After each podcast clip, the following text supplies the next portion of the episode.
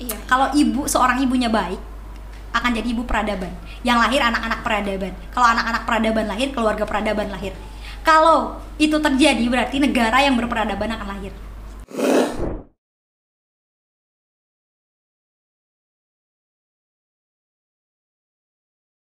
Dan sayap yang paling harus dimiliki oleh perempuan selain pendidikan adalah menjelajah sejauh-jauhnya biar kamu bisa arif dan lebih bijaksana. Insya Allah quotes of the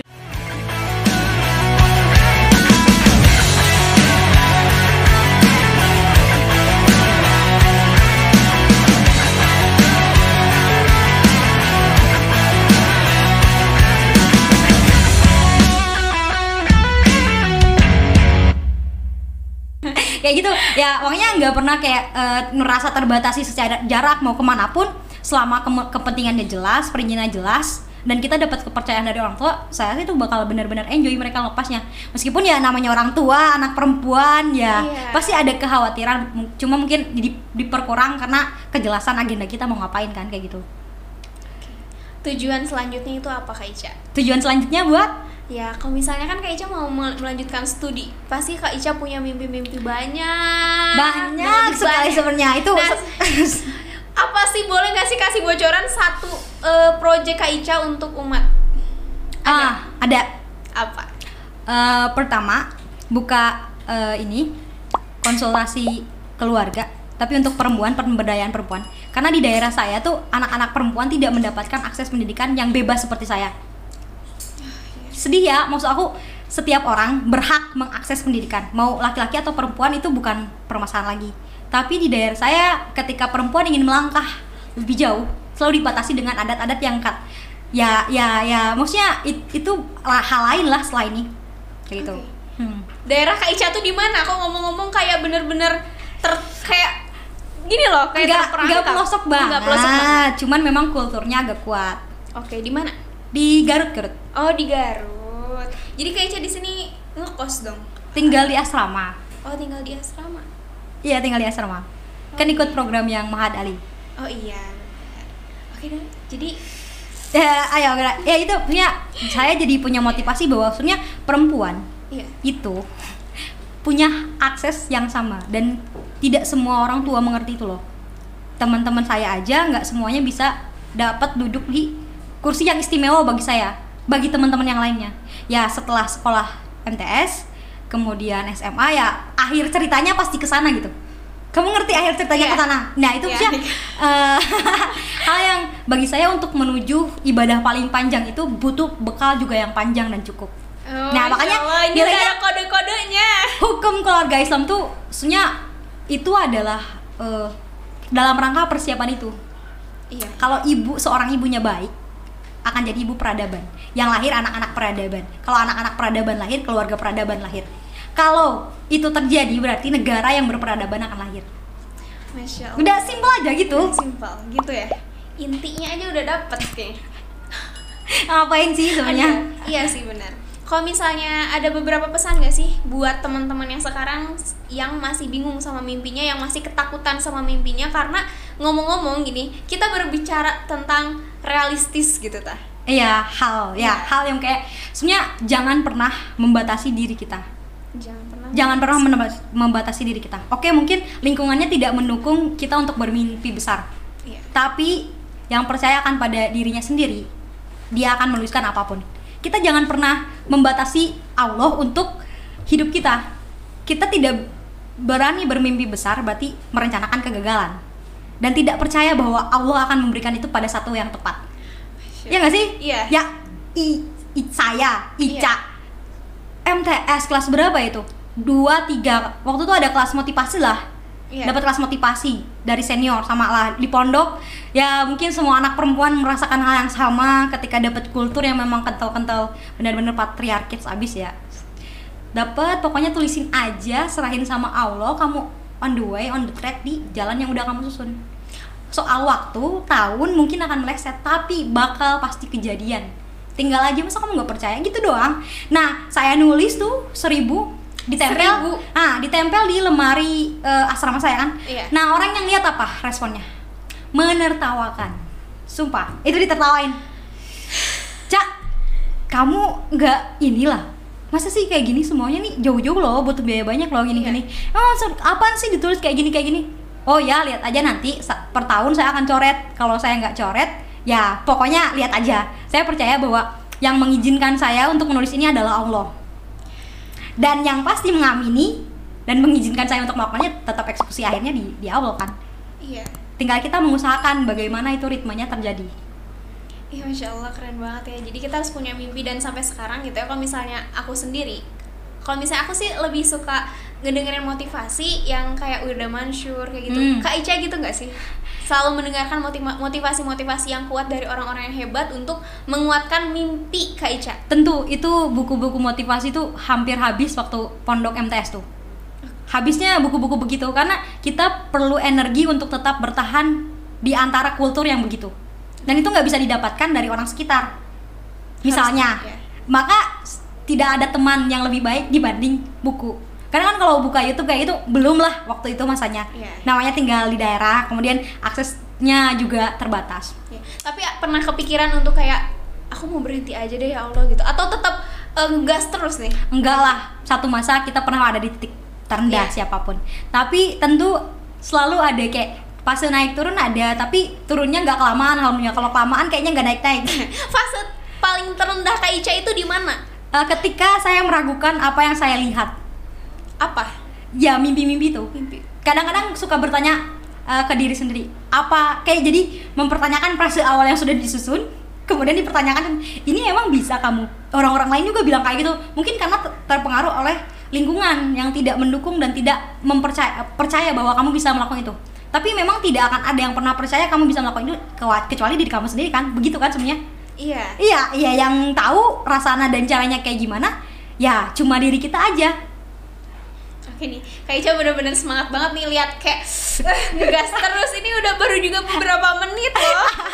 oh ini baru beberapa menit ya kebiasaan kalau ngomong cepet Tapi kalau misalnya meyakinkan orang tua, Kak Ica udah dari awal berarti dari pondok selalu menceritakan tentang mimpi-mimpi Kak Ica ke mama, ke ayah, kayak gitu. itu pasti dibicarakan karena mereka juga bertanya sih progresnya kalau progres hidupnya Iya. tahun ini targetnya apa ditanyain tahun kedua tahun ketiga terus aja mereka memantau dan memastikan saya tuh beruntungnya itu privilege yang Allah kasih ke saya tuh dapat sokongan orang tua yang ngerti mau anaknya bagaimana dan jadi apa. Tidak memaksakan kehendak. Ngasih pilihan choice nih jalan mau ini ke sini kamu mau ini ke sini belajar ini ini kayak gitu. Jadi nggak pernah dapat oh kamu harus ini setelah ini setelah ini harus ini ini ini enggak itu benar-benar dikasih kebebasan memang ruangnya sudah diskusi. Oke, ini Kak Ica bener-bener nggak kayak orang Garut asli. Selama ini aku kenal sama orang Garut nggak kayak gini. wah Dan orang Garut banyak yang keren loh di sini Iya, masya Allah. Jadi aku masih penasaran apakah ada orang Garut lagi yang ah banyak banyak banyak orang Garut Oke, dari se- dari pondok kan, mimpi itu dibuat dari pondok dan ada salah sa- ada banyak sekali buku-buku yang Kak Ica baca. Ada nggak sih salah satu pemotivator yang Kak Ica sampai sekarang eh, Kak Ica tuh denger terus apa yang dia ucapkan? ada Siapa? Biar kita tahu juga. Eh, tapi kalian nggak akan kenal. Oh, kenapa? karena itu senior di pondok. Sel- yang kita kenal deh, ada Oh, ada Kang Ari Rahmawan. Kang Ari Rahmawan. dia sekarang lagi studi doktoral di Delphi University Belanda. Kemarin baru berhenti. Kemarin baru lanjut maksudnya doktoral. Eh, beliau ngajarin soal timing management mengejar mimpi kemudian soal student planner. Duh, Masya Allah. itu bener-bener eh, kerasa banget jadi dari orang siapa pun maksudnya bisa ngakses itu kalau kita nggak punya modal soal dana pasti ada hal lain yang harus dikendalikan potensi akal itu urusannya Iya sih. udah itu kalau akal udah beres Iya. insya Allah gampang apa-apanya Oke, nah gimana sih kalau misalnya aku nih, aku nih punya mimpi nih Kak Ica. Aku yakin kalau misalnya mimpi aku eh, sama Allah dikabul, aku pokoknya bener-bener bilang ke setiap orang gitu kalau misalnya aku tuh punya mimpi ini, ini, ini. Tapi ketika eksekusinya, tiba-tiba tuh ada rasa perasaan kayak, aduh aku tuh nggak bisa kayak gini. itu lagi di detik terendah. Kamu sedang meragukan sesuatu yang ada di dalam diri kamu dan kamu yakin itu. Ya, kalau orang kamu aja nggak yakin bagaimana orang lain percaya? Kan itu yang bertanggung jawab atas mimpi kamu adalah kamu Iya. dan kemudian masalah konse- eh, eksekusi akhirnya sama Allah kan berarti kalau kamu nggak percaya sama diri kamu nggak percaya sama yang nyiptain kamu Oh ya Allah, ini ditampar. ya setiap orang tidak boleh membatasi mimpinya soal eksekusi dan perizinan itu Allah yang atur Iya, sama dengan halnya Kak Ica pergi ke Jepang dan itu udah Allah atur. eh itu udah lama loh itu dari Lama. MTS coba berapa tahun loh Iya. lewat MTS gak ada lewat SMA lulus SM gak ada eh Kodar- tiga eh kodarullah ya udah rezekinya Udah rezeki. yang penting ditulis kalimat-kalimat yang ditulis itu akan terjadi satu saat Ma- nanti Iya, jadi jangan buat kalian yang punya mimpi jangan lupa untuk tulis dan kita harus yakin bahwa Allah pasti mengabulkan itu ya Kak Ica. nah iya itu asal on the track on the track Ada ya? gitu. Iya, benar. Nah, kalau misalnya ngomong-ngomong lagi di budaya Jepang, tentang budaya tentang budaya Jepang. ya Bener gak sih? iya budaya Jepang Budaya Jepang. Di sana ada sesuatu yang hal Kak Ica takutin gak sih? ada Apa? Yakuza Yakuza. Oh, ini ya. Eh, kayak geng motor gitu, gangster ya Kayak gangster. gangster. Di sana banyak banget Yakuza. Eh, gak ketemu sih cuman ketakutan aja Oke, karena aku di sini masih nol banget tentang Yakuza, bisa diceritain dikit gak sih? kayak gangster gangster kayak gitu kalau di kita mungkin udah sebutnya preman kayak gitu Iya. Dan itu memang berkeliaran dan dilegal dilegalkan. Nah, mereka tuh yang nyokong prostitusi Jepang. Aduh, oh, dekengnya kalau bahasa ininya mah dekeng. orang-orang yang wah, ini pasti mengerti. Oke. kayak gitu. Jadi kalau misalnya di sana yang paling Kak Ica takutin adalah Yakuza. Yakuza. iya itu maksudnya secara ini ya tapi pas main dari jam 8 sampai jam 1 Nggak ketemu alhamdulillah Oh, alhamdulillah nggak ketemu. nggak ketemu tapi kalau ketemu mereka akan sangat menghargai perempuan yang berjilbab. Pertama itu kedua karena kita tamu undangan negara ada label Oh khususnya. iya, label jadi dilindungi mereka tidak mungkin mau mengotori nama negaranya dengan tidak memuliakan tamu. Ih, masya Allah itu nilai-nilai keislaman banget nah ya. aku tuh kayak pertama ke sana tuh ya Allah ini semua implementasi nilai-nilai Islamnya ada di sini. Masya Allah, mudah-mudahan orang Jepang semua jadi Islam ya, di Muslim. amin sudah banyak sih Oh, udah banyak. Di sana waktu itu be- benar-benar ketemu sama Muslim Jepang. ada namanya Profi Gucci Profi Gucci. ya Hai. Profi Gucci Ah, kemarin baru meninggal Innalillahi eh, ya Allah. Innalillahi wa inna ilaihi raji'un ya Allah.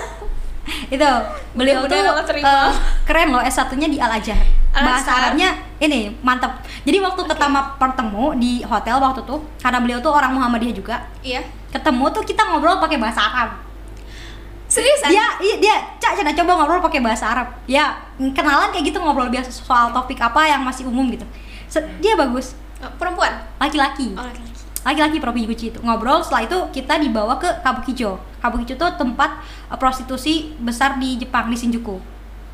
Dibawa jalan-jalannya sama profesor. Ya saya sebenarnya takut sih kalau ke sana. Karena kalau perempuan nanti tiba-tiba ditarik hilang itu udah pasti Oh, udah pasti ke sana. iya udah pasti Dan ke sana. banyak banget gak sih di Jepang yang kayak gitu hilang dibawa ke sana? iya ada beberapa Tapi itu banyak bener pemaksaan atau gimana? ya ya legalnya prostitusi gimana sih ya mucikari dan yang lain sama aja sih kayak di Indonesia cuman kayak di sana ya ada red line khususnya yang mengizinkan tempat itu kayak gitu Diizinkan ya. Tapi pernah eh, ngomong-ngomong sama orang Jepang sana pernah berpikir untuk kayak kok ada sih gitu yang kayak gitu. ya itu berangkat dari keyakinan teologisnya kembali ya kayak gitulah Oke oke oke. Oke lah, di sini bener-bener banyak manfaat banget Nah. dari tentang mimpi. Terus apa lagi?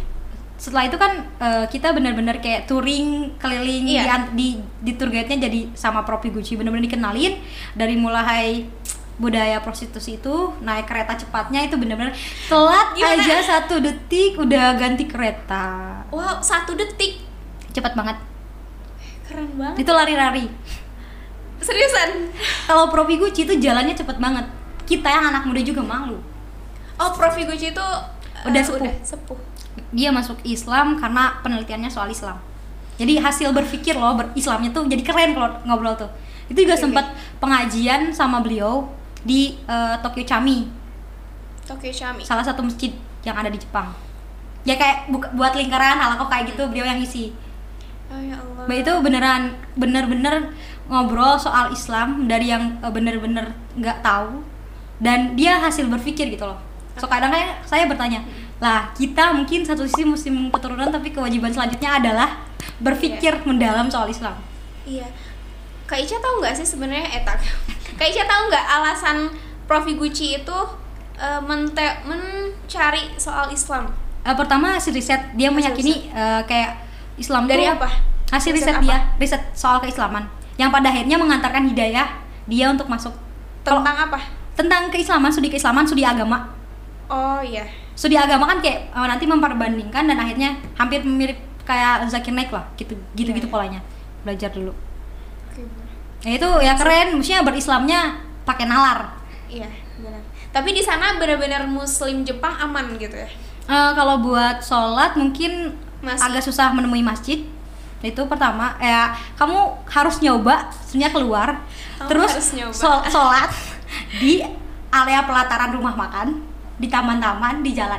Itu muslim tuh bener-bener wah mostly kita dilihat loh dilihat sama orang lagi ngapain.